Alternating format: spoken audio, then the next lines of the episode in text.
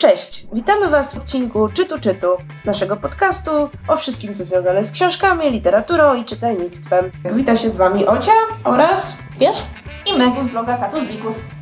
Dobrze, to zacznijmy od przeglądu naszych torebek. Megu, co przeczytałaś? Bo ja w takim razie nie przeczytałam, tylko wciąż czytam, bo to jest taka książka, że ja sobie ją dawkuję.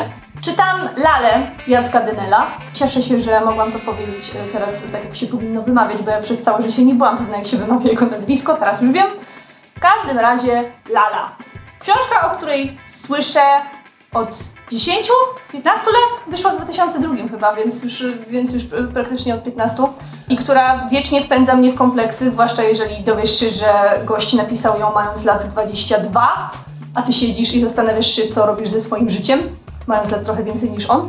I to jest na wpół biografia jego babci, kobiety, która pochodziła z takiej rodziny powiedzmy krakowskiej inteligencji, miała do czynienia z mnóstwem artystów żyjących w, Polsce w czasie II wojny światowej, przed II wojną światową i również po tym jak ona się zakończyła. Miała tam mnóstwo, hmm, jakby to nazwać, nie chciałabym powiedzieć przygód, bo trochę dziwnie brzmi jak powieść Łotrzykowska.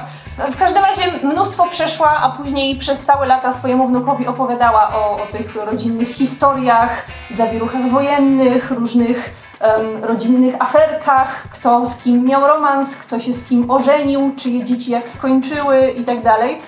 I jest to o tyle ciekawe, że kiedy czyta się tą książkę, masz wrażenie, że ktoś cię posadził za stołem na kawie i zaczyna ci po prostu opowiadać taką gawędę o historii swojej rodziny.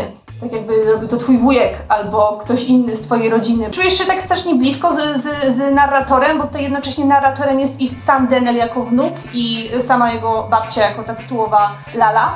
I jest to strasznie ciepła opowieść, dlatego ja nie potrafię jej skończyć y, bardzo szybko, bo bardzo fajnie mi się ją czyta i chciałabym, żeby, żeby, żeby mogła ją czytać jak najdłużej, chociaż wiem, że tam później zaczyna się robić trochę smutno, bo na początku jeszcze tego nie ma zaznaczonego, ale później bardzo na, na pierwszy plan wybija się wątek tego, że Lala, która już w tym momencie nie żyje, no, zaczęła chorować na taką starczą demencję, więc wszystko zapominała, zaczynały się jej mylić fakty i jest tam pokazane, jak autor cierpi z tego powodu, że, że, że traci babcię. Ale jak na razie książka mi się niesamowicie podoba. Ja się wcale nie dziwię, że ona dostała bodajże paszport polityki. Tak, dostała paszport polityki. To była zresztą taka decyzja, która wywołała bardzo dużo dyskusji, bo Lala to jest pierwsza, znaczy chyba to jest pierwsza książka w ogóle Denana, że on był wcześniej, on był wcześniej znany ze swoich tomików poetyckich.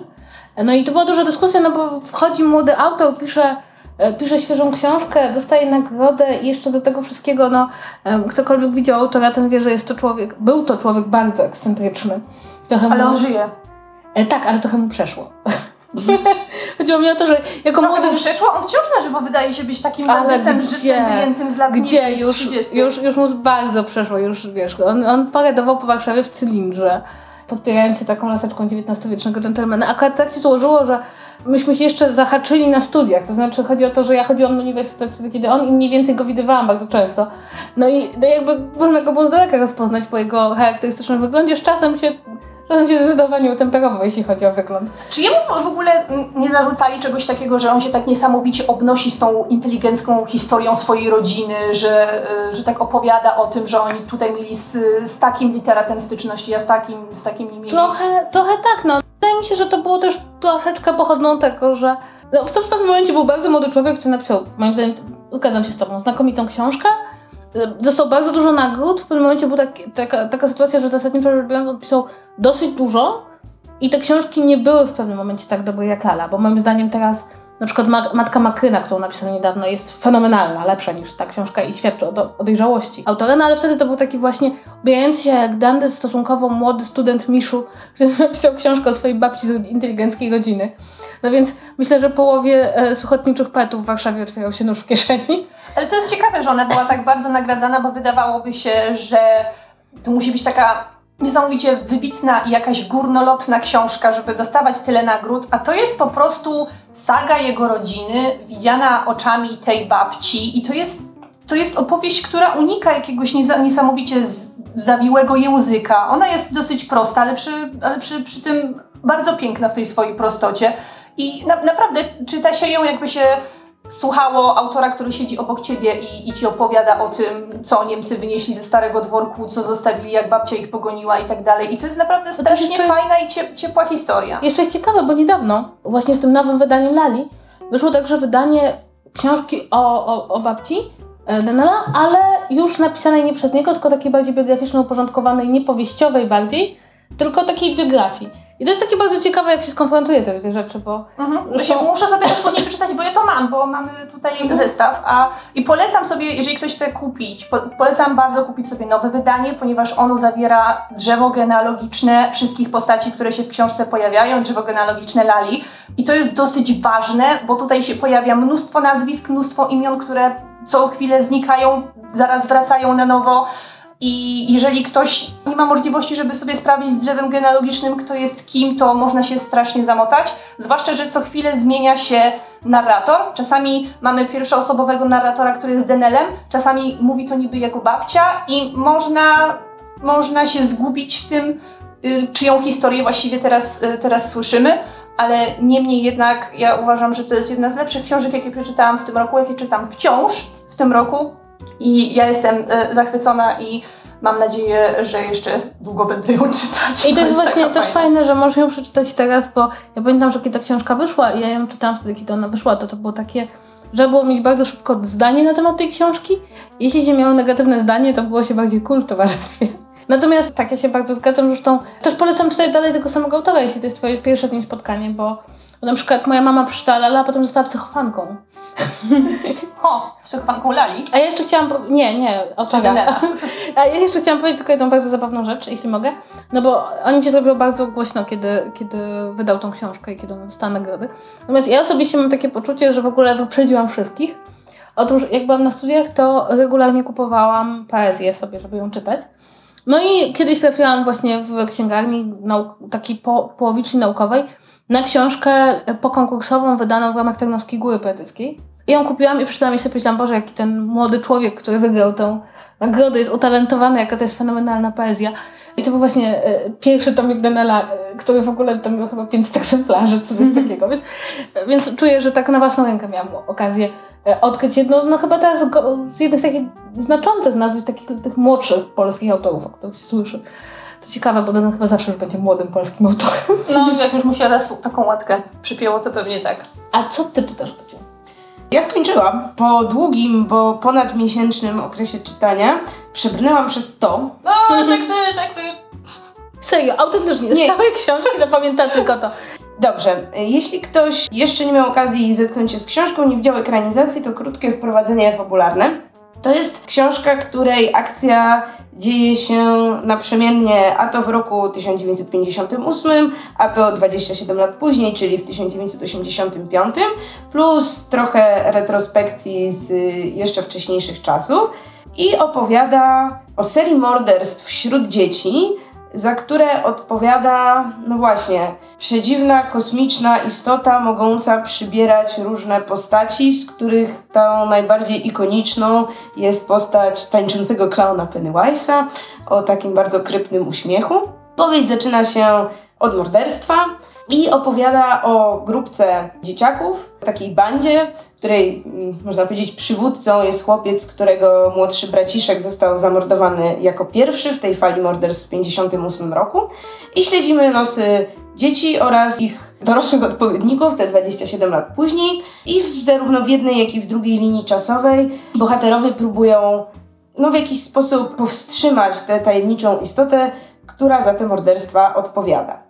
Ale z mojego punktu widzenia w ogóle nie ta warstwa tej książki jest najważniejsza. To znaczy morderstwa i całe to straszenie, bo to jest jeden z horrorów Kinga, nie są w tej książce szczególnie istotne i nie są też moim zdaniem szczególnie dobre. To znaczy warstwa horrorowa jest z mojego punktu widzenia w tej książce dużo słabsza od warstwy obyczajowej, która tak objętościowo zajmuje, bo ja wiem, 80% tej wielkiej cegły, która liczy ponad 1000 stron. I w warstwie obyczajowej znajdziemy tu oczywiście temat dorastania, nawiązywania przyjaźni między tymi dziećmi oraz sporo takich tematów z pogranicza problemów rodzinnych, jak na przykład nadopiekuńcza matka, czy ojciec, który jest no, gdzieś na granicy molestowania swojej córki, a takiego obsesyjnego kontrolowania jej. Dowiadujemy się, jak ich przeżycia z dzieciństwa odbiły się na ich dorosłym życiu, jak właśnie te relacje rodzinne, czy relacje w gronie przyjaciół wpłynęły na to, w jaki sposób na przykład budują swoje związki w późniejszym dorosłym życiu. Jest fantastyczny wątek bycia prześladowanym przez no, bandę takich typowych bullies, którzy wykorzystują swoją siłę fizyczną, którzy dręczą naszych bohaterów też oczywiście y, uwagami, na przykład o podłożu rasistowskim. I to są fantastyczne wątki, którym z racji objętości powieści autor mógł poświęcić dużo czasu. Ja nie ukrywam, że bardzo szybko się przywiązałam do tych bohaterów, bardzo im kibicowałam i bardzo przeżywałam te różne dramaty, które się dzieją, a równocześnie dosyć mocno rozczarowałam się w zakończeniu, to znaczy przez ostatnie 200 stron tej książki ja po prostu brnęłam. Raz, że fabularnie ona niestety mocno siada, skupia się przede wszystkim właśnie na tych mniej interesujących mnie wątkach, czyli głównie na elementach horrorowych, na jakimś takim bieganiu za potworem po kanałach Plus pojawiają się tam. Jakie seksy! Tak, pojawiają się tam motywy, które chyba każdy redaktor przy zdrowych zmysłach powinien był z tej książki autorowi wyciąć, ale jakimś cudem do tego nie doszło. I trochę nie wiem, co o tym myśleć. To znaczy, z jednej strony bez sensu, żeby 5 czy 10 stron powieści przekreślało powieść, która liczy 1100 stron. Z drugiej, to jakby przez to też, że to jest jedna z końcowych scen, to zostaje w głowie taki trochę niesmak i takie trochę poczucie, że po raz kolejny King miał taką świetną książkę i musiał ją zepsuć. Bo nie wiedzieć czemu autor nie po raz pierwszy zaczyna świetną obyczajową powieść z jakimiś tam elementami horroru w tle, żeby skończyć ją jako taki horror klasy C z obrzydliwymi scenami i po co to wszystko? Ale myślisz, że gdyby nie było tej konkretnej sceny, o której mówimy przez cały czas, to ta końcówka byłaby lepsza? Bo znaczy, na, na pewno słaba. byłaby lepsza, ale tak, wciąż uważam, że to jest słaba końcówka i jest niepotrzebnie rozwleczona. Tam spokojnie, naprawdę, ze 100 stron tego zakończenia trzeba było ciąć, bo ono, ono jest po prostu za długie, za rozwlekłe i w jakimś sensie gubi moim zdaniem esencję tej powieści. Ja wam coś powiem szczerze, bo moim zdaniem największym problemem, największą klęską, jaka, czy, czy w ogóle tym, co dotknęło Kinga i co nie pozwoliło mu zostać kolejnym wielkim amerykańskim pisarzem, jest to, że ktoś mu powiedział, że umie pisać horrory. A co więcej, wydawcy zdają się uznawać, że on jest mistrzem horroru. Tymczasem King jest mistrzem powieści obyczajowej. Tak naprawdę Twoje uwagi odnośnie tej książki dotyczą trzech czwartych książek Kinga. Jest bardzo mało prawdziwie strasznych książek Kinga, a jak myśmy się kiedyś zgadały, jedną z najstraszniejszych książek Kinga, która wywołuje w człowieku naprawdę takie poczucie klaustrofobii jest Misery, tak. gdzie nie ma żadnych kosmitów, żadnych, żadnych tworzeń tak, ponadnaturalnych. Są po wydarzeń. prostu, ludzie są straszni. Zresztą zwykle u Kinga to ludzie są dużo straszniejsi niż każdy potwór, którego wymyśli. Inna sprawa, jeśli chodzi o tą scenę, to prawda jest taka, my o tej scenie dyskutujemy tak dużo, bo mamy ekranizację. Taka scena, jakkolwiek dziwna i źle się z nią możemy czuć, kiedy czytamy, jest zupełnie czym innym, kiedy pojawia się ekranizacja i zadajemy sobie pytanie sekundę, co oni z tym zrobią. Inna sprawa jest też taka, że jest to dowód, że nie należy jednocześnie ćpać, być alkoholikiem i pisać, bo potem przychodzi ci do głowy wszystko. Chyba, że jesteś Filipem K. Dickiem, to wtedy śmiało na zdrowie. Ale on też miał w pewnym momencie, pro... czy może nie takie problemy, ale nie... Znaczy ja cenię te jego książki, które powstały po tych wszystkich używkach. W przypadku Kinga to też są najlepsze książki, jakie on napisał. Nie, ale w każdym razie wydaje mi się, że warto zachęcać ludzi, żeby czytali to nie jako o mój Boże, czytam horror Kinga, tylko czytali to Czytam naprawdę fenomenalną książkę obyczajową, która pokazuje, jak wydarzenia z dzieciństwa wpływają na nasze późniejsze życie, która pokazuje bardzo duże spektrum różnych problemów, a przy okazji muszę się pogodzić z tym, że gdzieś tam jest clown, y, potwór w kanałach, ale to jest tylko 20% książki, więc tak, i jakby są no, nie, nie jestem może doświadczonym horrorowym czy, czytaczem, ale mnie jakby sceny same z clownem prawie nigdy nie przerażały. I, I, dużo bardziej, właśnie tak jak w tych innych książkach Kinga, o których wspomnieliśmy, przerażali mnie ludzie. Czyli właśnie przerażali mnie e, chłopcy, którzy dręczą słabszych od siebie, plus tam jest jeden bohater, który na przykład dręczy zwierzęta i to jest moim zdaniem najbardziej przerażająca scena tej książki. A, Tak, a nie, a nie clown w kanałach. No chociaż, no powiedzmy, dwie klimatyczne sceny morderstw też się tam znalazły, więc jak ktoś lubi urywane ręce, to, to będzie zadowolony. Mam nadzieję, że nie słuchają nas tacy ludzie, którzy lubią urywane ręce. Różnie bywa. W każdym razie ja mimo wszystko książkę polecam, chociaż należy się zaopatrzyć tak w miesiąc, dwa czasu wolnego i skupić się na tych wątkach obyczajowych, to wydaje mi się, że wszystkim wyjdzie to na dobre. No, i to jest polecanka, która dotyczy połowy książek Kinga. Dobra, to teraz czas na mnie. Pewnie nasi czytelnicy będą zachwyceni faktem, że w tym tygodniu czytałam książki poświęconej górom, ale to tylko tygodniu. To tylko taki przerywnik. To tylko taki przerywnik. Otóż dostałam e, na urodziny nową książkę Kamila Feifera, Zawód. E, No i od razu powiem, kim jest autor, bo może to nazwisko nic wam nie mówi. Autor tej książki jest człowiekiem, który założył fanpage na Facebooku magazyn Porażka. To jest on? Tak. E, Magazyn Porażka powstał w pewnej kontrze do tych wszystkich magazynów sukces, tych wszystkich coachów i opowieści o życiu człowieka przepełnionym sukcesem zawodowym. Zawód, e, ten tytułowy zawód to jest zawód podwójny, to widać w tej książce bardzo. Znaczy, z jednej strony jest to po prostu książka o pracy w Polsce, pracy grupy, którą nazwalibyśmy dzisiaj prekariatem. To są młodzi, dobrze wykształceni ludzie, którzy mają taką niesamowitą rozbieżność czynników statusu, to znaczy często są dobrze wykształceni, ale ich praca jest bardzo nisko opłacana i nie mają takiej stabilizacji, nie mają etatu, nie mogą albo nie mogą zaciągnąć kredytu, albo ten kredyt sprawia, że czasem nie mają czego do garnka włożyć. Jest też ten drugi zawód, który oznacza tą nieprzystawalność naszych wyobrażeń o rynku pracy i naszych marzeń zawodowych z tym, co tak naprawdę ma Polska czy, czy w ogóle świat nam do zaoferowania. Co jest ciekawe, ta książka jest zbiorem reportaży, rozmów, spotkań autora z, z bardzo różnymi ludźmi. Wbrew temu, co się może wydawać, większość tych osób ma pracę. To nie jest książka o bezrobociu, które znalazły się w bardzo różnych sytuacjach. Mamy opowieść chłopaka, który wyemigrował, e, mamy historię dziewczyny, która była świetną studentką, zdobywała nagrody dla studentów, tak zwane studenckie Noble, zrobiła doktorat, kilkadziesiąt kursów i wciąż pracuje w banku. Nie jest w stanie znaleźć pracy jako psycholog, nie jest w stanie znaleźć pracy w zawodzie. Mamy historię dziewczyny, która wyobrażała sobie pracę w korporacji w jeden sposób, a potem zetknęła się z realiami korporacji. Mamy rozdział, z którym ja w ogóle się utożsamiłam stuprocentowo, jest to rozdział dziennikarce freelancerce, której ona jakby opowiada, jak to jest być freelancerem, ile to wymaga z jednej strony pracy, a z drugiej strony jak bardzo niestabilnie finansowo freelancer żyje, ponieważ jakby jej opis tego, jak działa przesyłanie rachunków, to jest moja codzienność. Znaczy, wypełniasz rachunek, który ktoś musi podpisać, który ktoś musi komuś zanieść i, i ten rachunek utyka i trzy miesiące później okazuje się, że nie wiem, pięć firm jest ci winnych kilkanaście tysięcy złotych, a ty masz 15 złotych na koncie. I księgowa zawsze jest chora. Księgowa zawsze jest chora. A to czekaj, bo zaczęłaś mówić o przykładach ludzi, którzy pracują w korporacji. Czy tam są tylko te przykłady, powiedzmy, tych złych korporacji? Czy są jakieś, powiedzmy, przykłady, że ktoś trafił do tej dobrej korpo? No bo Nie, są bo to dobre nie jest, korpo. ta, ta książka jakby nie mówi o tym, że jakaś korporacja jest niedobra, tylko pokazuje pewne nadużycia systemu. Pokazuje na przykład, jak możesz wygrać staż w świetnej firmie, ale jako stażysta przez trzy miesiące robisz bardzo nawet odpowiedzialne rzeczy, po czym przyjmują następnego stażystę. I to nie jest jakby, autor to dosyć mocno podkreśla, to nie jest książka, która opowiada o całej pracy w Polsce i o wszystkich zawodach. Nie.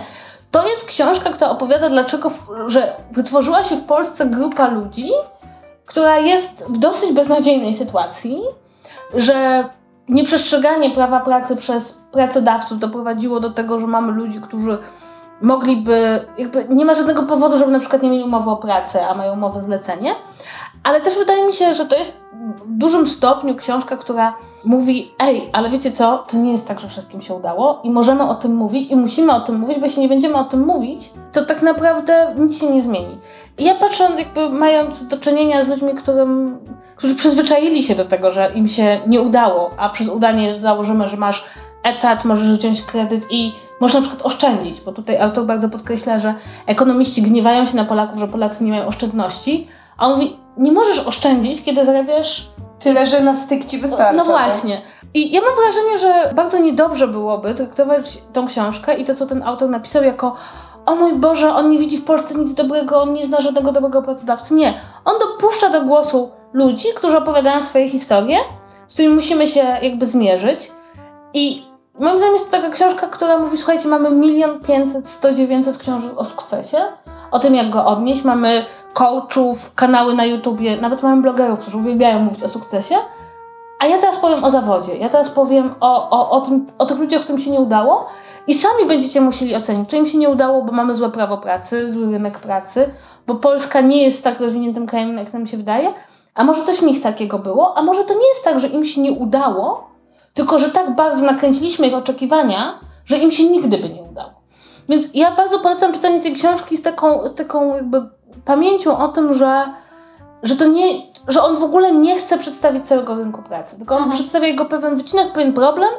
I ja na przykład muszę powiedzieć, że mimo, że uważam się za osobę, której się mnóstwo w życiu udało i prawdopodobnie dla wielu osób byłabym osobą, która odniosła sukces, jeśli myślę o swoim życiu zawodowym, to ja się na przykład w tym bardzo często odnajduję. Odnajduję pewne sytuacje, w których się znalazłam, pewne sytuacje, w których znaleźli się moi znajomi, e, pewne patologie, na które człowiek patrzy i myśli sobie, okej, okay, no, e, pracodawca zachowuje się wobec mnie nieuczciwie, ale ja autentycznie nic z tym nie mogę zrobić. Więc myślę, że, że to było dobre, zwłaszcza jeśli uważacie się za ludzi, którzy odnieśli sukces i uważacie, że każdy może odnieść sukces, to polecam tą książkę, jaką, taką pewien głos z końca sali od ludzi, którzy zwykle się ucisza albo mówi im się, że ktoś im ukradł marzenie. A ja myślę, że to wszystko bzdura. Wystarczy, że przestaniemy jeść awokado i każdego z nas będzie stać na kredyt. I dom. I dom, tak. Ale nie, a ja mam tylko takie pytanie, czy on tylko w swojej książce daje przestrzeń e, do wypowiedzenia się ludziom, którzy rzeczywiście zawodowo y, mają jakieś problemy, czy na przykład mówi, jaka jest recepta na to, żeby, żeby to wszystko poprawić? Znaczy, co mi się wydaje, że wskazując, bo to jest, to jest ten paradoks polski, polegający na tym, że na przykład mamy dobre prawo pracy, tylko że mamy beznadziejną inspekcję pracy. Czy pokazuje na przykład, jak pewne mechanizmy nakręciły nam gospodarkę i były bardzo nam przydatne wtedy, żeby nakręcić nam gospodarkę, ale hola hola, jakby może trochę przestopujmy z tym. Więc wydaje mi się, że tam jest bardzo dużo odpowiedzi, jak to zmienić, tylko to nie są do, odpowiedzi, które ktokolwiek chciałby usłyszeć tak naprawdę. To są troszeczkę odpowiedzi na zasadzie, tym ludziom żyje się dobrze kosztem innych ludzi, i powinniśmy usiąść wszyscy razem i się nad tym zastanowić. Na pewno to jest bardzo ważna książka, też zupełnie nie ukrywając tego politycznie. Bo ta książka trochę ci podpowiada, dlaczego tyle ludzi w Polsce jest wściekłych, rozczarowanych. Dlaczego to, że Polska notuje wzrost gospodarczy, czy ma wskaźniki na zielono, nie oznacza, że wszystkim w Polsce żyje się fantastycznie. I no, gdybym ja była na przykład politykiem i przeczytała tą książkę, to bym sobie pomyślała, Gdyby, gdyby w tym kraju zrobić porządną, prawdziwą inspekcję pracy, to, to mógłby być zupełnie inny kraj. Myślę, że to jest taka książka, która nie mówi ci bezpośrednio, jak co z tym zrobić, ale pokazuje ci pewne problemy, no i to nie trudno znaleźć na nie rozwiązanie. Chociażby jakby polecam jeszcze do tej książki doczytać. E, mój pracodawca, tygodnik Polityka, wydrukował około półtora roku temu wywiad z prezesem Państwowej Inspekcji Pracy. I to jest najsmutniejsza rzecz, jaką przeczytacie. E, e, że to jest wywiad człowieka, który mówi bez ogródek, że on by chciał, ale absolutnie nie może. I to jest po prostu przerażające, że coś, co powinno pilnować tego, żeby ktoś przestrzegał Twoich praw, jest tak bezsilne, bo jest za mało ludzi, jest łatwo ich oszukać. Nie wiem, tych inspektorów jest tak niewielu, że że oni po prostu nie są w stanie tego pilnować. A tam, gdzie nikt nic nie pilnuje, jest olbrzymi niestety nadużyć. I wszyscy jakby na, to, na tym cierpimy, bo każdy pracownik cierpi, kiedy źle się traktuje innego pracownika, bo przesuwa się ta granica, co można pracownikowi zrobić. To był lewacki kącik. Dobrze, to myślę, że pora na temat odcinka. W tym tygodniu porozmawiamy sobie o nagrodach literackich. Dobrze się chyba czasowo wstrzeliłyśmy z naszym tematem, ponieważ e, nie tak dawno temu przyznano w Polsce Nikę, na świecie przyznano literacką Nagrodę Nobla, a my przy okazji mamy tendencję, żeby od czasu do czasu czytywać jakieś nagrodzone tą czy inną nagrodą książki, więc to jest chyba... Co? Co? Mamy? No nie mamy? No, mówiłyśmy o policerach w jednym odcinku. A, no, znaczy, ale to jest kwestia tak... przypadku, ja tego nie robię specjalnie. Potem się dowiadujesz, że jakaś książka dostała nagrodę, jak już ją przeczytam. Okej, okay, to skoro przy tym jesteśmy, no dobrze, to możemy zacząć od naszych personalnych doświadczeń, czyli nie sugerujesz się, czy coś dostała jakąś nagrodę, ani nie wiesz o tym i chwytasz książki przypadkiem, czy... Tak, bo ja generalnie mam um, takie um, szkodliwe i stereotypowe myślenie o tym, że te książki, które dostają nagrody, są um, zazwyczaj dla mnie za trudne i będą na pewno nudne. Ja wiem, że to jest stereotyp, ja wiem, że to jest szkodliwe, prawdopodobnie dla mnie samej, ale sama po prostu mam trochę inne gusta literackie, więc z własnej woli się takich książek nie chwytam, chyba że nie wiem, że akurat temat mi się spodoba. Powiedziała kobieta, która właśnie zrecenzowała w tym odcinku powszechnie nakręconą książkę. Tak, ale ja to ja ją czytam, dlatego że za- zachciało mi się przeczytać Denyla, a nie dlatego, że Denyl akurat za tę książkę dostał mm, paszport polityki.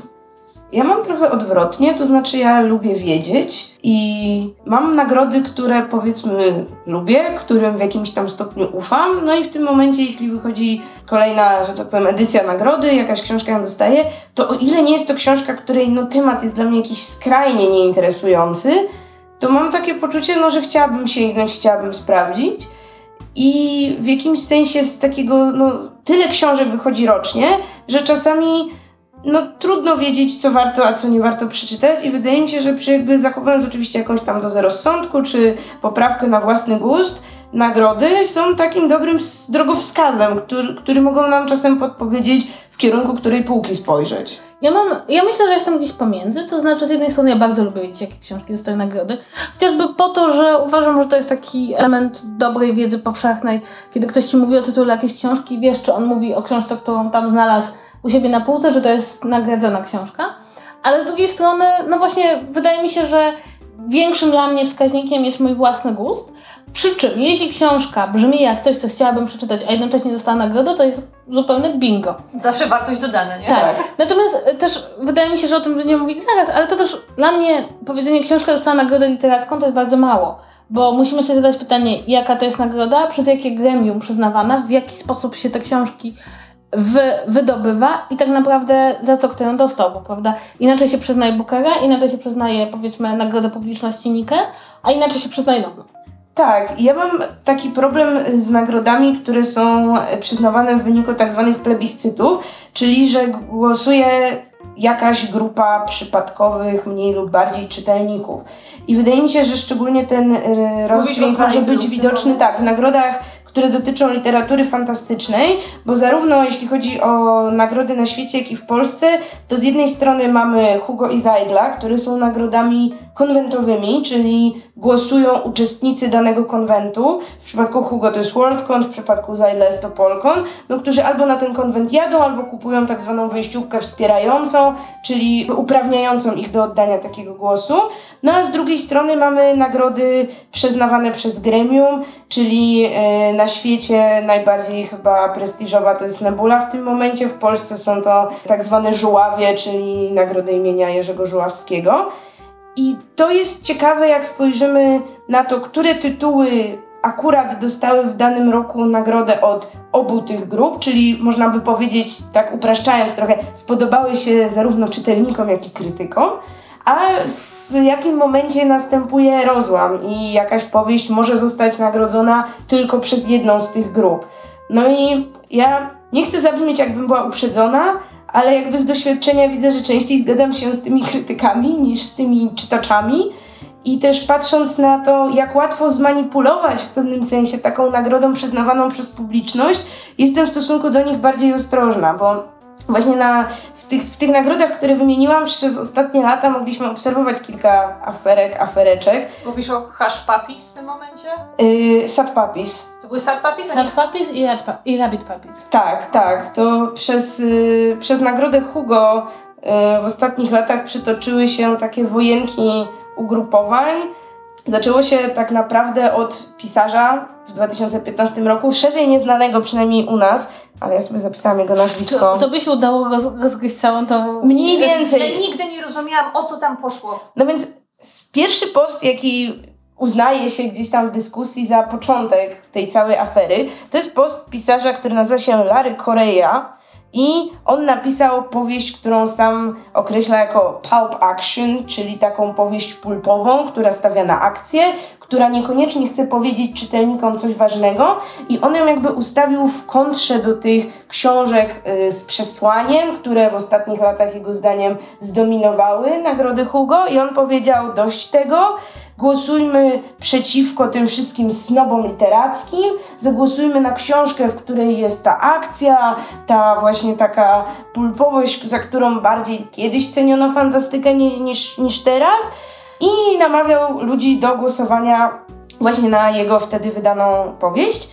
I było mu o tyle prosto, że na tę nagrodę nie głosują, wiecie, dziesiątki czy setki tysięcy osób, tylko około trzech tysięcy osób co roku. Więc wystarczy tak naprawdę jeden silny głos, mający za sobą rzeszę zwolenników, żeby przekonać ludzi do czegokolwiek. Czemu ja miałam wrażenie, że tam były jakieś tarcia na, na tle, no powiedzmy, rasowym, e, Bo były. Bo były.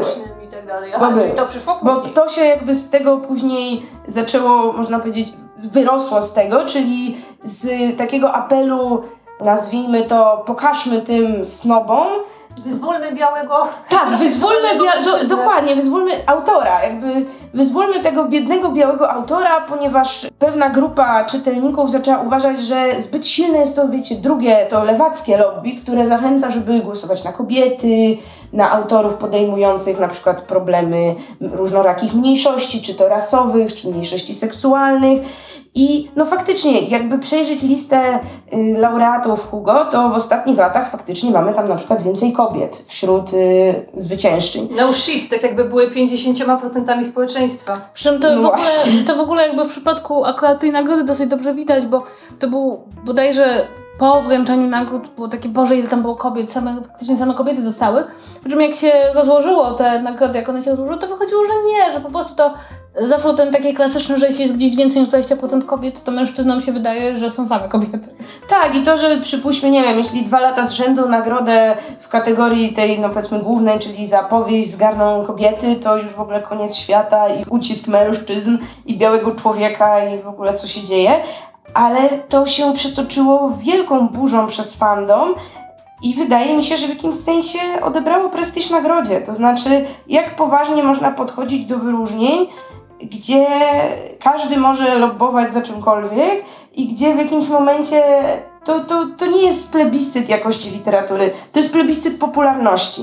Ale to jest ciekawe, dlatego że ja pamiętam jeszcze 15 lat temu, jeśli ja chciałam sięgnąć po jakąś nową książkę fantastyczną, no to sprawdzałam, czy została nagrodzona Hugo albo Nebulą, prawda? Bo to były takie dwie nagrody, o których było wiadomo, że jeśli książka została nimi nagrodzona, no to jasne było, że ona musi być dobra, przynajmniej ciekawa. I wydaje mi się, że to, co tutaj olbrzymi, w olbrzymi sposób zmieniło te głosowania związane z mm, plebiscytami, to pojawienie się internetu jako takiego bardzo ogólnego, szybko jakby puchnącego forum, e, na którym można właśnie wpływać na ludzi, czy zakładać swoje alternatywne listy książek, na które powinno się głosować.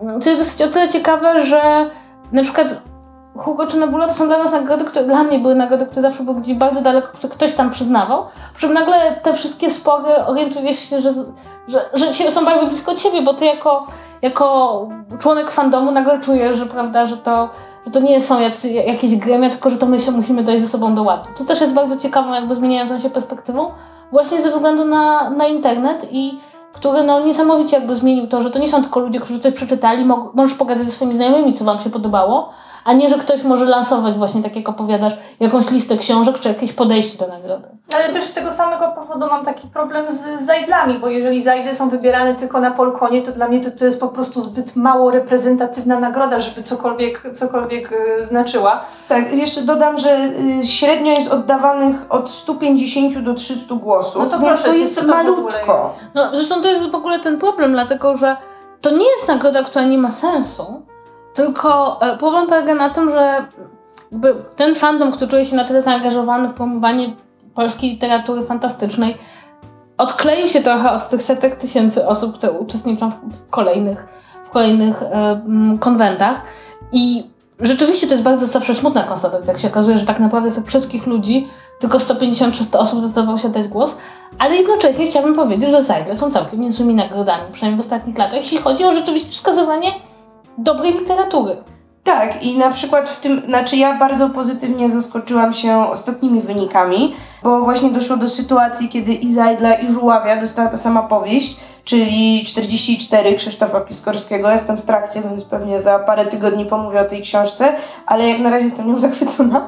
I y, w jakimś sensie cieszy mnie to, że pokrył się ten gust tych czytelników z gustem jury. Przy to jest bardzo, o tyle nie powinno nas dziwić, że to są bardzo przebrani czytelnicy. To znaczy, to są czytelnicy, których część z nich mogłoby spokojnie stworzyć własne żurigów niekompetentne. Tak, a z drugiej strony no wiemy właśnie jak łatwo, żeby do pewnych nadużyć doszło, bo i takie też sytuacje się przez fandom przetaczały.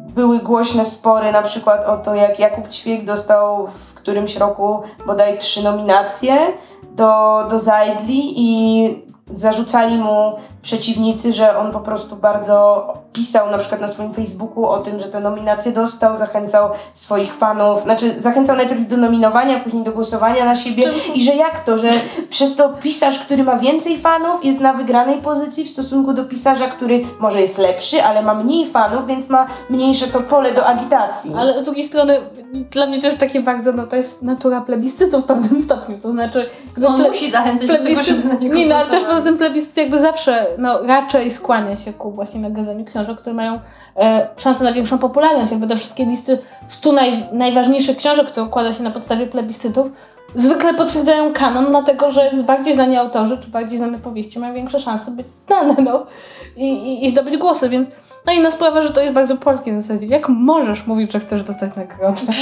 Siedź i czekaj. Ale ja, ja bym chciała, żebyśmy się trochę wzniosły ponad tę fantastykę, bo mówię, Dzięki, Melu. Dziękujemy Nie, nie, nie, nie o to, nie o to mi chodzi, ale e, cały, cały temat na odcinek wziął się przecież z tego, że zaczęłyśmy się podgryzać na Facebooku e, w, przy, Tak. przy okazji właśnie e, Nikę. I chciałabym zacząć od tych takich najbardziej znanych i prestiżowych nagród, bo ja Wam powiem, że ja mam problem z Noblami, bo o Noblach się najwięcej mówi. Noble wydają się być najbardziej prestiżową literacką nagrodą na świecie, przynajmniej z naszej polskiej perspektywy. A tymczasem wydaje mi się, że nagrodę dostają pisarze, którzy później nikogo i nikt ich tak naprawdę nie czyta. Ale bo jakby Noble w ogóle nie mają nagradzać pisarzy na zasadzie dobrze, to ten pisarzu dostałeś nagrodę i idź teraz cię ludzie będą czytać. Noble są po pierwsze w ostatnich latach się już tak utarło, nie są przyznawane za żadną konkretną książkę czy dzieło, tylko są bardzo często przyznawane za to jednozdaniowe uzasadnienie, które podaje e, zawsze osoba wychodząca z Akademii Szwedzkiej, które są absolutnie piękne, ale tak naprawdę Są kuriozalne. Są kury, ale są piękne, znaczy jakby czytasz sobie masz takie wow, du- 90% pracy nad tą nagrodą to było jak sformułować jedno zdanie. No ale są, są przyznawane po pierwsze w sposób dosyć egoistyczny, to znaczy musisz mieć na przykład być przetłumaczony na szwedzki, więc trzeba mieć dobrego szwedzkiego tłumacza, innymi słowy. Więc jeśli chcecie Nobla, to musicie załatwić szwedzkiego Ale tłumacza. to w sumie musi być dobre dla rynku tłumaczy. Ale o to chodzi, między innymi o to chodzi, żeby właśnie promować tłumaczenie najwybitniejszych dzieł literatury na język szwedzki. Ale do tego wszystkiego ta książ tak naprawdę to jest w uznaniu zasług, coraz bardziej.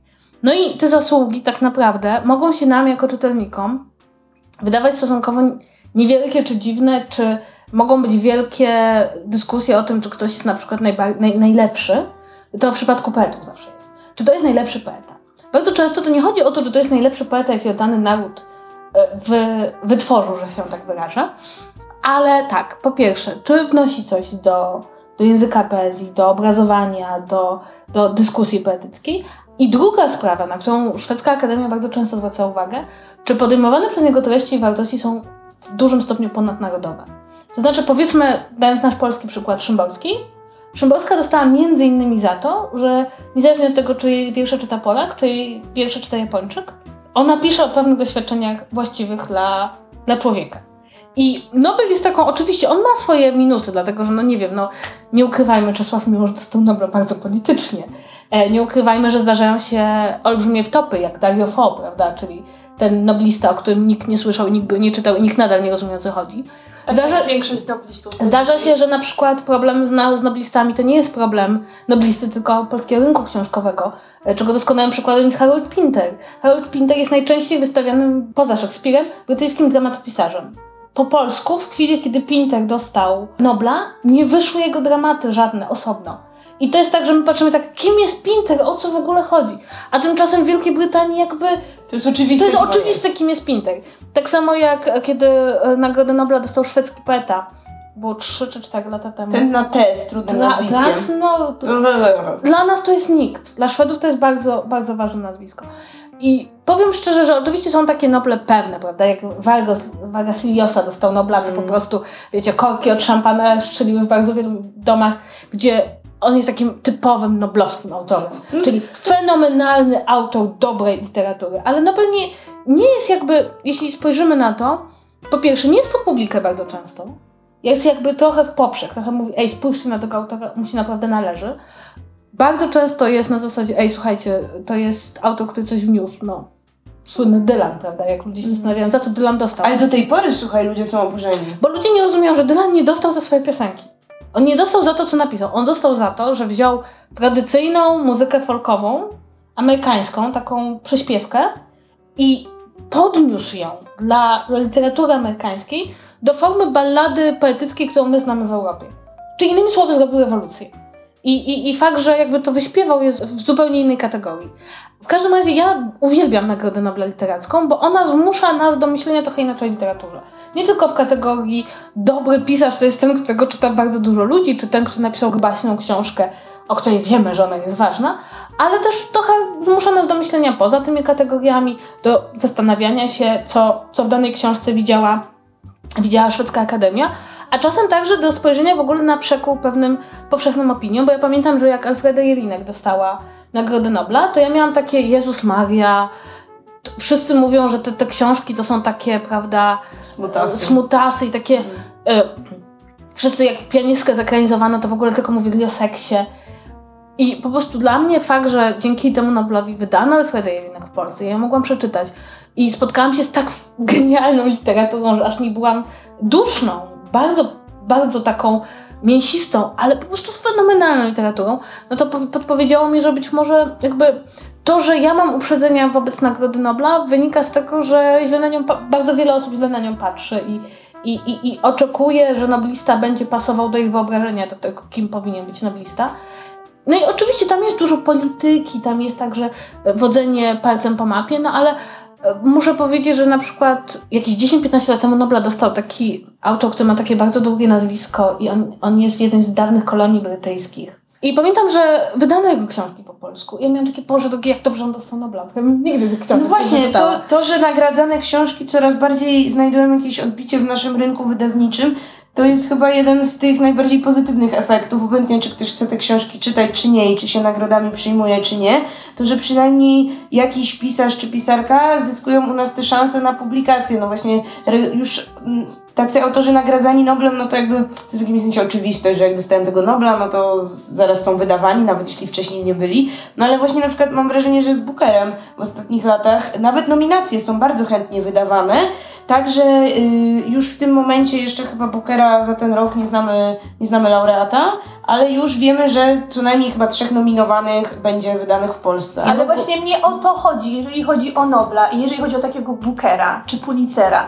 Noble z jakiegoś powodu w ludzkiej świadomości wyrosły na tą największą, uber, uber ostateczną nagrodę literatury. Tymczasem ludzie może się interesują w okolicach Nobli, kto, kto, kto ją dostał, ale tak później tak naprawdę te książki wcale nie okazują się być jakieś super popularne, a ja mam takie trochę ale chamskie ja wiem, ja wiem, że to nie o to chodzi, ale ja mam takie chamskie i trochę e, przyziemne przeświadczenie, że jednak nagrody powinny być y, dla ludzi i nie wiem, chyba bardziej bym chciała, żeby takie bookery były traktowane na tej samej, na tym samym poziomie co Noble u Tylko nas. wiesz co, Megu, mi się wydaje, że to też kwestia polega na tym, jakim autorem. Autorem w którym momencie, tak jak przyznaje się Nobla, bo Nobla się nie przyznaje ani debiutantom, ani młodym autorom, to trzeba się przez bardzo wiele lat jakby zasłużyć dla literatury, żeby w ogóle móc myśleć o Noblu. Druga sprawa też polega na tym, że wiesz, Oscarów nie daje się najpopularniejszym filmom w kinach. Daje się im jakiejś wybranej części kinematografii. Więc dla mnie, dla mnie jakby, ja nie widzę sprzeczności jakby. Wydaje mi się, że tak samo jak są wybitne nagrody w każdej dziedzinie, w której przyznaje się Nobla. Są bardzo ważne nagrody medyczne, są ważne nagrody chemiczne, fizyczne, matematyczne, ekonomiczne. Pokojowe nagrody... Matematycznych nie ma. Znaczy nie ma matematycznych Nobli, ale jest, jest medal, e, jak się nazywa? Boże, nie pamiętam. Jest taki znany No tak, tak. medal. Chodzi mi o to, że bardzo często ludzie, którzy teoretycznie mogliby startować do jednego i drugiego, podejrzewam, ale chodzi mi o to, że jakby jest bardzo wiele różnych nagród, które, które możemy uznać, nie wiem, za, za lepiej przyznawane, czy wszystkie nagrody, które uważamy za najważniejsze, są najważniejsze absolutnie arbitralnie. Wydaje mi się, że to, że oni to w ogóle, to jest jakaś jak się na tym zastanowimy, że Szwedzka Akademia Nauk. Szwedzk, Szwe, Szwedzi. Kogo podą Szwedzi? No ale. Szwedzi hashtag ale, nikogo. Szwedzi, no, a inna sprawa jest też taka, że. I to też jest moim zdaniem ważne, to nie jest aż tak nieważne, że to są Szwedzi. Dlatego, że na przykład Booker jest nagrodą Brytyjską. brytyjską. Nagród krajowych jest bardzo dużo. Do Nobla nominowani są, zanim zostaną nominowani, absolutnie wszyscy autorzy z całego świata. każdy może tą nagrodę dostać. Każdy... Bookera w tym momencie też Znaczy może są dwa bookery. Bo jest ten Man Booker's Prize, do którego może być nominowany autor z całego świata pod warunkiem, że jego książka jest przetłumaczona na angielski. Więc to jest wydana w podob, Wielkiej po, Brytanii. podobny, podobny warunek do tego, co jest w Szwecji. I, znaczy, wiesz co, ja mam wrażenie, że to też, no i też powiedzmy sobie szczerze, jak dawno przyznawany jest Nobel, tak? Jakby to jest ta ciągłość. Tak, nagrody. zapisałam od 1901. No właśnie, ta ciągłość tej nagrody też ma tutaj, też ma tutaj znaczenie, prawda? No to już jest 116 lat e, przyznawania nagrody. A Booker od kiedy? Od Booker jest od 1969 A, roku. Czyli to jest młodziutka nagroda na tym. Pulitzer jest od 917. Tak. Tylko, że Pulitzer jest taką nagrodą, e, wydaje mi się, bardzo słabo rozezna- znaną przez ludzi, bo po pierwsze jest bardzo amerykański, I on się rozdrabnia na 22 kategorie. a poza tym ma 22 kategorie. To nie jest jedna książka, jedno nazwisko. W związku z tym, wiesz, ludzie na przykład mówią, im, a, a wiecie, że Lin-Manuel Miranda dostał Pulitzera. Ja za co? Ale Przecież- za co, tak. Przecież nie jest dziennikarzem, nie? No właśnie, ale to rozdrobnienie na kategorie bądź nierozdrobnienie to jest ta ciekawa kwestia i wydaje mi się, że będziemy mieć tu różne opinie na ten temat. To znaczy właśnie, czy lepiej przyznawać jedną nagrodę, tak jak, że tak powiem, tak jak leci, czyli Nobla w jednym roku dostaje poeta, w drugim roku dostanie go pisarz powieści, nie wiem, w trzecim roku ktoś, kto bardziej się skupia na reportażach i tak dalej, i tak dalej, albo no właśnie muzyk, który ma wybitne teksty swoich piosenek, a na przykład w Pulicerach jest to bardzo duże poszatkowanie na kategorie i w, wydaje mi się, że w, na przykład no w nagrodach fantastycznych jest z kolei to poszatkowanie na długość, gdzie tam jest cztery różne przedziały i tak dalej. I w ten sposób z jednej strony mamy więcej tych wygranych, z drugiej strony zawsze jest to pytanie, czy któryś z nich jest tym najważniejszym wygranym, bo z reguły ten, który napisał powieść jest uznawany za tego, o którym się najwięcej mówi, dajmy na to jak Pulitzer ma tyle tych kategorii, no to jeśli tak od, tak sobie ktoś rzuci zdobywca Pulitzera z roku tego i tego, to najczęściej ma na myśli powieść, a nie którąś z tych pobocznych nagród. Znaczy, ja, ja, ponownie powiem, dla mnie akurat ja bym tutaj wyjęła z tego Nobla, dlatego że Noble tak naprawdę są. To nie jest konkurs. To jest wybranie z olbrzymiej puli. To znaczy, na przykład to, że cię nie nagrodzili w tym roku, nie znaczy, że nie nagrodzą cię w następnym, tak? To nie jest. tak- ja- Jakby zasada jest taka, że musisz żyć, tak? W związku z tym. e, Ale. Burakami wciąż masz szansę nie płacz. Tak. Zagajewski nie płacze.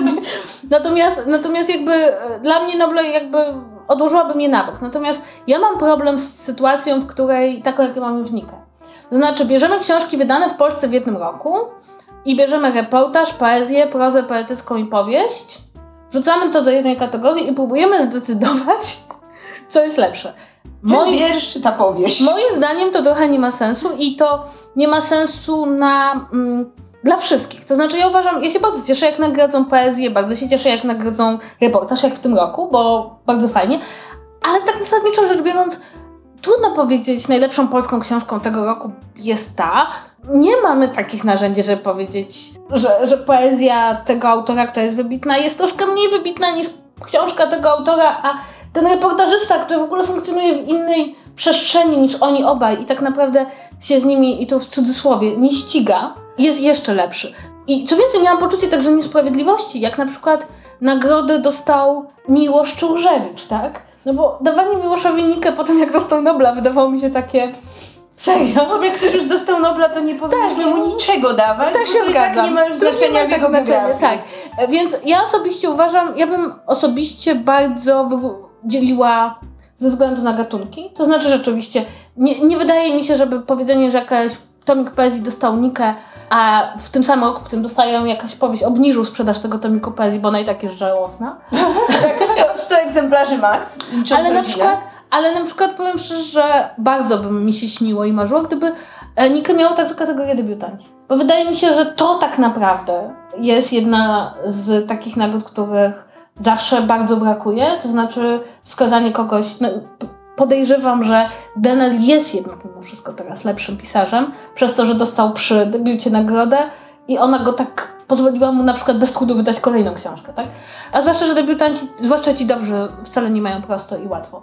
Więc ja osobiście jestem za tym, żeby tych kategorii było więcej. Może nie 22 kategorii, ale jakby to były trzy tytuły, i jeden debiutant, to byśmy przeżyli, tak? Jakby... Ale wiecie, co jest śmieszne z tymi 22 kategoriami Pulitzera? Że 21 kategorii na tej liście dostaje tą nagrodę w tym momencie 15 tysięcy dolarów, a dziennikarz nagrodzony w kategorii takiego dziennikarstwa społecznego dostaje tylko złoty medal. Ja się zastanawiam, czy to dlatego, że on, że on ideowo nie potrzebuje tych pieniędzy. Żeby ludzie nie pisali może dla tych pieniędzy o sprawach Nie, nie, nie, ja ideowych. powiem o co chodzi. Chodzi o to, że jak już dostaje tę kasę, to już nigdy więcej nic ideowego nie napisze, tylko będzie siedział. Aczkolwiek jeśli chodzi o kasę, to chyba najbardziej się opłaca dostać Bookera, bo tam są jakieś dzikie ilości monet. Tam jest chyba 100 tysięcy funtów? Czy Nie, no zaraz, stylu? ale Nobel to jest... Nie, no tak, ale tam- O, że, żeby 9, było różnie, 9 milionów, 8 milionów. Chyba to jest jakoś Tak, milion dolarów. Nobla dostają starzy ludzie, na co im te pieniądze? Ageism noblowski, tak? Em, no, ale ja, ja jakby wiem, że ty Megu wypowiadałaś się na zasadzie, ej, spoko, jest jedna kategoria, jest okej, bo jakby chodzi o to, żeby promować tą jedną książkę i żeby cała para w ten, w ten jeden tytuł, tak? To dlatego, że ja się tak strasznie ucieszyłam z tej Nikę w tym roku, bo w tym roku dostał ją e, reportaż. To było pierwsze Nikę, który ja czytałam, bo czytałam ten reportaż zanim on dostał Nikę, już prawie, prawie, prawie byłaś temu. pierwsza przed E, wszystkimi. I ja jestem tak ogromną fanką reportaży, że ja mam tą świadomość, że gdyby były kategorie, załóżmy w Nikę, i gdyby, było po, gdyby był podział na poezję, reportaż i powieść, to i tak mówiłoby się tylko o tym, który dostał powieść. Tak samo byłoby w Noblach. W zeszłym roku Nobla też dostał, też dostał reportaż. Gdybyśmy mieli w Noblach ten, ten Dwa podział... lata temu. Dwa W zeszłym roku dostał Dylan. O, rzecz- rzeczywiście, dwa lata temu. I gdyby w Noblach też był taki podział, Ale- to też wszyscy tylko ale mówiliby no- o tej Ale powieści. Noble, Noble to jest zupełnie co innego. Jakby, O, ale to jest najbardziej agresywny odcinek tego podcastu. Nie, ale Bo proszę wyłączyć Kasię. bo chodzi mi o to, że to jest zupełnie inny rodzaj nagrody. Dobrze, to mówmy o Bookerach. Tam też jest jedna nagroda, nie ma rozdrabniania na powieść, poezję, coś tam i po prostu dostają powieści. I czy to jest sprawiedliwe? Moim czy zdaniem- biedni brytyjscy poeci, którzy nie dostaną swoich 100 tysięcy złotych monet, nie No są przez dobra, ale to jest na nagroda. powieść jest okej. Ale to jest nagroda dla powieści, a nie dla literatury, tak? To Tak. tutaj mamy jasne zasady. Dla mnie, dla mnie zrobienie konkursu wyłącznie na powieści jest absolutnie okej. Gdyby Nika była wyłącznie dla powieści, w ogóle mi w dupie za przeproszeniem e, poetów i powiedzieli, poeci mają tam nagrodę kościelskich, powiedzmy, okej. Ja nie uważam, żeby w każdym, w każdej nagrodzie trzeba było przyjąć każdą twórczość jaką literacką, tylko że uważam, że jeśli już masz kilka jeśli dopuszczasz kilka rodzajów tekstów, to bądź przyzwoite i podziel je na kategorie. Żeby, żeby nie było potem tak, że ludzie, nie wiem, napisali powieści muszą się ścigać z Miłoszem, tak? Że już nie muszą, bo Miłosz umarł. Jej! Ale e, chyba zgadzamy się do, do tego, że tak, że Mego nie lubi Nobla, Ocia, Ocia lubi Bookera Po prostu i policera. i Pulitzera, a ja się wściekam, ilekroć ktoś mówi, że... Bo Nobel nie jest konkursem. Bardzo wiele nagród literackich ma wymiar konkursowy. To znaczy ścigamy się między sobą. E, W cudzysłowie ścigamy. Książki wydane w danym roku, książki wydane w danym języku. Tymczasem Nobel A tu się ludzie ścigają Nie. przez całe życie. Na końcu i tak są pieniążki. nie dokończuje śmierć i rozczarowanie. To Ale jest najpierw pisane. pieniążki. Nie, pieniążków dla większości zabrakło. Myśmy, dobrze, i, ja, bo ja chciałabym troszeczkę dążyła do podsumowania, zanim, zanim, Zanim się pobijemy o tego zanim się Nobla. pobijemy o Nobla. Pierwsza w Polsce. Dobrze, to, to ten, ulubiona nagroda. Nobel. To znaczy, prawdę powiedziawszy, ja co roku, to jest tuż obok moich urodzin i od kilku lat można śledzić to naprawdę na żywo, ten moment, kiedy wychodzi pani z krytyczką. Ja e, śledzę Nobla po prostu zawsze z drżeniem serca i poczuciem olbrzymiego takiego napięcia, że zaraz to już będzie. Być może bierzecie to z, z mojego dużego szacunku do tej nagrody, może z tego, że jak byłam dzieckiem, to byłam absolutnie przekonana, że ja też kiedyś dostanę nagrodę Nobla. O, so sad. E, tak. W której kategorii? Nie no, literacki. Zawsze byłam przekonana, że to będzie literacka. Miałam taką nawet wizję, jak byłam w gimnazjum, że to będzie 2062 rok. Bo e, wyliczyłam, no słuchajcie, to jest dobre, ja wyliczyłam jaką średnią wiek ma laureat Nagrody Nobla i sobie policzyłam, że to będzie wtedy. Ale to czekaj, to musisz najpierw się zatroszczyć, żeby twoją powieść przetłumaczyli na szwedzki. Ale to spoko. Zacznij no, od tego. Najpierw, ja myślę, że najpierw powinnam napisać wybitną powieść. Mam wrażenie, że to może być ten element. Ja myślę, że prędzej pokojować się w ten. Nie, ja nigdy nie chciałam. Ja chciałam tylko literacką, tylko tam mnie interesuje, więc pilnujcie rozdań Nagrody Nobla w 2062 roku, może wiecie, usłyszycie moje nazwisko. Tak, dla mnie, dla mnie Nobel jest taką tak inną nagrodą, że, że zawsze czekam na to nazwisko i jeśli to jest nazwisko autora, którego lubię, to to radość, jaką odczuwam, jest nieporównywalna z radością, nie wiem, z jakiejkolwiek innej nagrody. I to jest bardzo sympatyczne, bo jeden dzień się cieszysz, że jakiś pisarz, którego czytasz, będzie bogatszy. O, No, ja myślę, że jeśli chodzi o te moje sympatie w przypadku nagród, no, czyli właśnie Booker i Pulitzer, wynika to przede wszystkim z tego, że czytam głównie tę literaturę pisaną albo przez Brytyjczyków, albo przez Amerykanów, w każdym razie prymarnie anglojęzyczną. Czytam bardzo niewielu polskich autorów. Jak już, to pewnie raczej są to fantaści niż tacy pisarze mainstreamowi. Praktycznie nie czytam pisarzy z innych krajów, nie wiem, nawet typu tam Francja, Hiszpania, czykolwiek, jak już to może tych, którzy dostali Nobla. Yy, tak więc yy, z tego powodu chyba to się do tych nagród sprowadza, no plus właśnie do, do jakichś takich dobrych doświadczeń z przeszłości, że też przeczytałam przez przypadek książkę, o której później się dowiedziałam, że dostała którąś z tych nagród, no i już tak to poszło tym torem, że utożsamiam tę nagrodę z czymś, co mi się podoba. Wyjdzie na to, że ja się po prostu w tej kwestii kieruję mentalnością wsiowego głupka, ponieważ ja odczuwam gwałtowne przymo- przypływy emocji w związku z jakąś nagrodą tylko wtedy, jeżeli się nagle okazuje, że y, raz albo kojarzę nazwisko danego autora, dwa, jeżeli jakimś cudem wyjdzie na to, że przeczytałam jego książkę.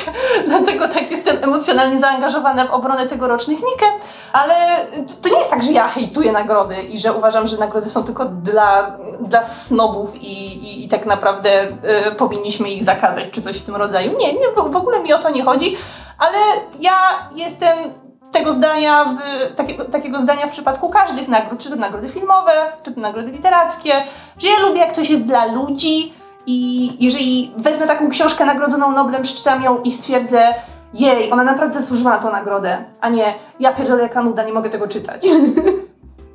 Okej. I tym optymistycznym przekleństwem Tak, e, będziemy was powoli żegnać w tym tygodniu. Ociu, jeszcze powiedz, gdzie można nas kochać. wszędzie. Więc przede wszystkim zostawiajcie nam komentarze na YouTubie i na fanpage'u i fajnie jak będą komentarze, w stylu źle przeczytaliście jakieś nazwisko, tylko takie bardziej merytoryczne, nie? Yy, Po drugie możecie pisać do nas maile na czytu czytu małpa podsłuchane.pl no i ogólnie rozgłaszać wieści, że jest taki podcast i super go słuchać. Tak, i jeśli wyślecie do nas maila, to przypominamy, że zrobimy osobny odcinek, gdzie odpowiemy na wszystkie wasze problemy, pytania i kwestie. Tak, tak samo dam wiadomości na Facebooku, czy gdzie tam wam wygodnie. My to wszystko czytamy i zbieramy. To do zobaczenia, za, do usłyszenia za tydzień. Cześć! Cześć! Pa!